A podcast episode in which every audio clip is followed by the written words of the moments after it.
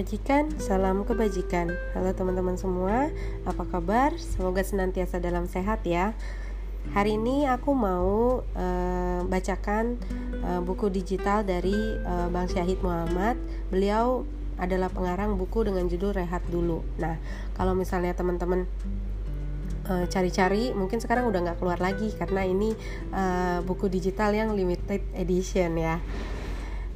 Aku inget hmm, satu orang temen aku bilang Vi eh, jangan sering-sering baca-baca buku galau nanti makin galau loh. Bilang kayak gitu. Nah mungkin iya bener tapi nggak 100% bener sih. Menurut aku eh, buat aku pribadi khususnya setiap kali aku dengar eh, lagu-lagu uh, yang mungkin kata orang lagu-lagu galau terus misalnya baca buku-buku yang kata orang buku-buku galau nonton drama yang kata orang dramanya drama-drama galau seperti itu eh, masing-masing uh, punya um, makna tersendiri punya nilai tersendiri buat aku. Kalau aku uh, mungkin pada saat baca, nonton atau dengerin itu akan ikut terhanyut supaya aku bisa lebih menikmati dan lebih meresapi alur yang uh, diminta atau yang ingin disajikan oleh hmm, si pengarang ya. Tapi setelah selesai selesai nonton drama selesai baca buku atau selesai dengerin lagu ya aku ya balik lagi aja kayak diri aku sendiri. Pada dasarnya uh, karakter kita itu uh, akan sangat sulit dirubah karena itu kan udah bawaan dari diri kita sendiri kan. Tapi dengan kita membaca buku dengan kita uh, nonton video-video yang recommended uh, terus dengerin lagu-lagu juga untuk menghibur kita mengisi waktu. Aku rasa itu justru uh, bikin kita menambah kehidupan roh rohani kita ya. Kenapa disebut kehidupan rohani kita? Karena mungkin uh, hati kita itu Uh, perlu diisi juga dengan masukan-masukan dari luar sana, pandangan-pandangan lain. Nah, bagaimana cara kita memilahnya, mana yang mau kita ambil dan mana yang uh, kita nggak ambil, yaitu kembali lagi kepada kemampuan kita untuk meneliti uh, setiap apa yang kita cerna atau kita terima untuk uh, rohani kita atau untuk hati kita ya. Di caption yang pertama itu ada dengar dan belajar hadir. Aku bacain ya.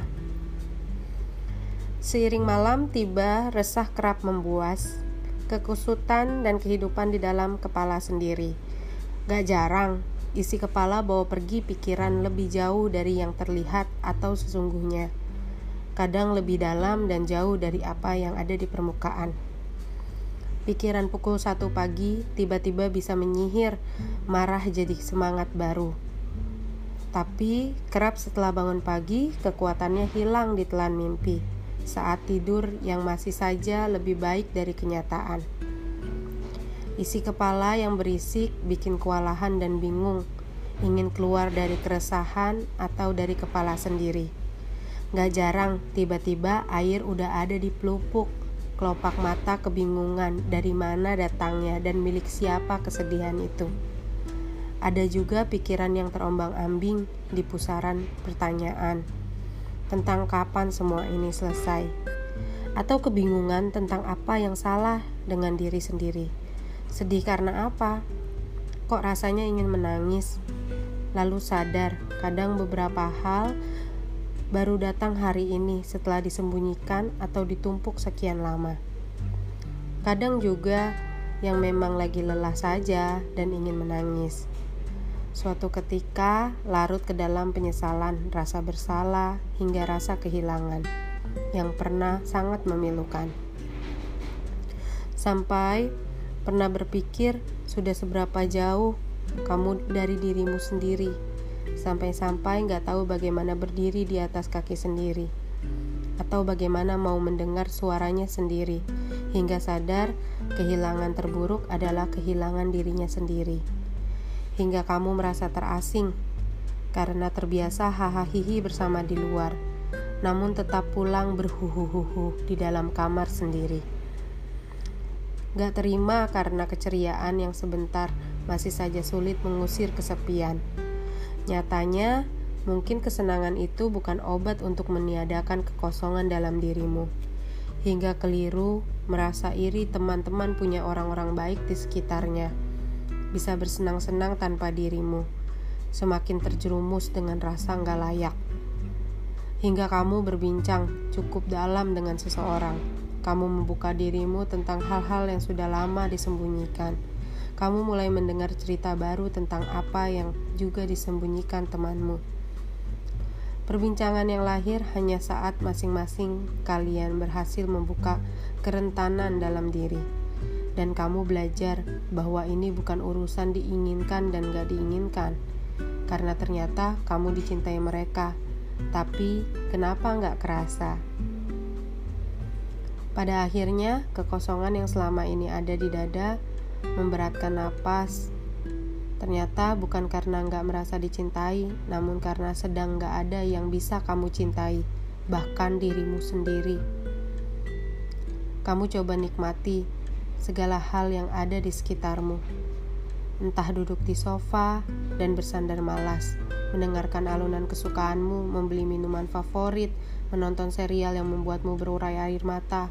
Kamu menemukan banyak kesenangan saat hanya berdua dengan dirimu sendiri sampai datang omongan orang sekitar. Betapa anehnya dirimu. Sialnya kamu mempercayainya. Kamu mulai merasa malu dan gak nyaman dengan dirimu sendiri. Lantas suatu hari kamu mengalami kesepian lagi. Kadang bukan karena ingin ditemani, melainkan keinginan untuk menyendiri. Berkenalan dengan diri sendiri lagi, sampai menemukan pemikiran kenapa segelas teh hangat, buku-buku tentang cerita dari tempat yang jauh, sampai film-film tentang banyaknya kecemasan dan harapan bisa lebih menenangkan dan menyembuhkan ketimbang dunia yang sebetulnya sedang dihuni. Kenapa tokoh-tokoh non-fiksi itu bisa lebih membuat nyaman ketimbang orang-orang di sekitar? Kadang kenyamanan datang dari tempat yang jauh, sebelum akhirnya sadar ternyata tempat tenang adanya di dalam diri saat berhasil duduk sebelahan sama kecemasan diri sendiri. Tempat pulang semua aman. Karena nanti setelah kamu bisa berteman sama isi kepalamu sendiri, nyaman dengan dirimu sendiri, kamu akan belajar untuk nggak terganggu sama berisiknya orang lain yang belum nyaman sama dirinya, sama isi kepalanya sendiri. Nggak heran, ada orang bilang kita aneh saat kita bisa nyaman dengan diri sendiri kerapnya karena hal itu asing buat mereka.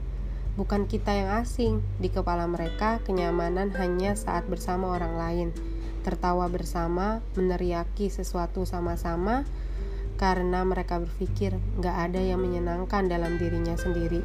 Nggak apa-apa, wajar. Hanya saja terjadi banyak kekeliruan urusan nyaman dengan diri sendiri. Biasanya dilihat antisosial, nggak mau bergaul, sampai dikira sombong. Sampai-sampai pribadi introvert dijadikan kambing hitam yang dinilai nggak lebih baik dari mereka yang ekstrovert hanya karena terlihat lebih luas bisa berbincang sana-sini. Seolah introvert pendiam, pemalu, nggak percaya diri, dan payah.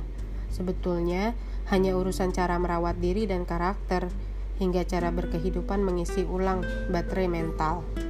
Orang introvert punya kebutuhan dan kesendiriannya memang begitu caranya merawat diri. Orang extrovert memenuhi kebutuhannya, misalnya dengan bersosialisasi sana-sini. Nggak sedikit juga orang introvert bisa sangat bercerita tentang ini dan itu, dan orang extrovert juga bisa ingin sendiri dengan dirinya sendiri. Nggak perlu ngerasa nggak lebih baik dari orang extrovert, hanya karena kamu lebih senang membaca buku, nggak pergi ke pesta, ke mana-mana sendirian, dan kamu juga nggak perlu ngerasa lebih baik hanya karena kamu lebih terbiasa bergaul, berbicara ini itu, dan pergi dengan siapa saja. Jika dilihat dari jauh, kita jadi banyak bermasalah dan kebingungan karena interaksi yang seperti bergesekan antara manusia Paksa ini lebih baik dari itu, begini lebih benar dari begitu.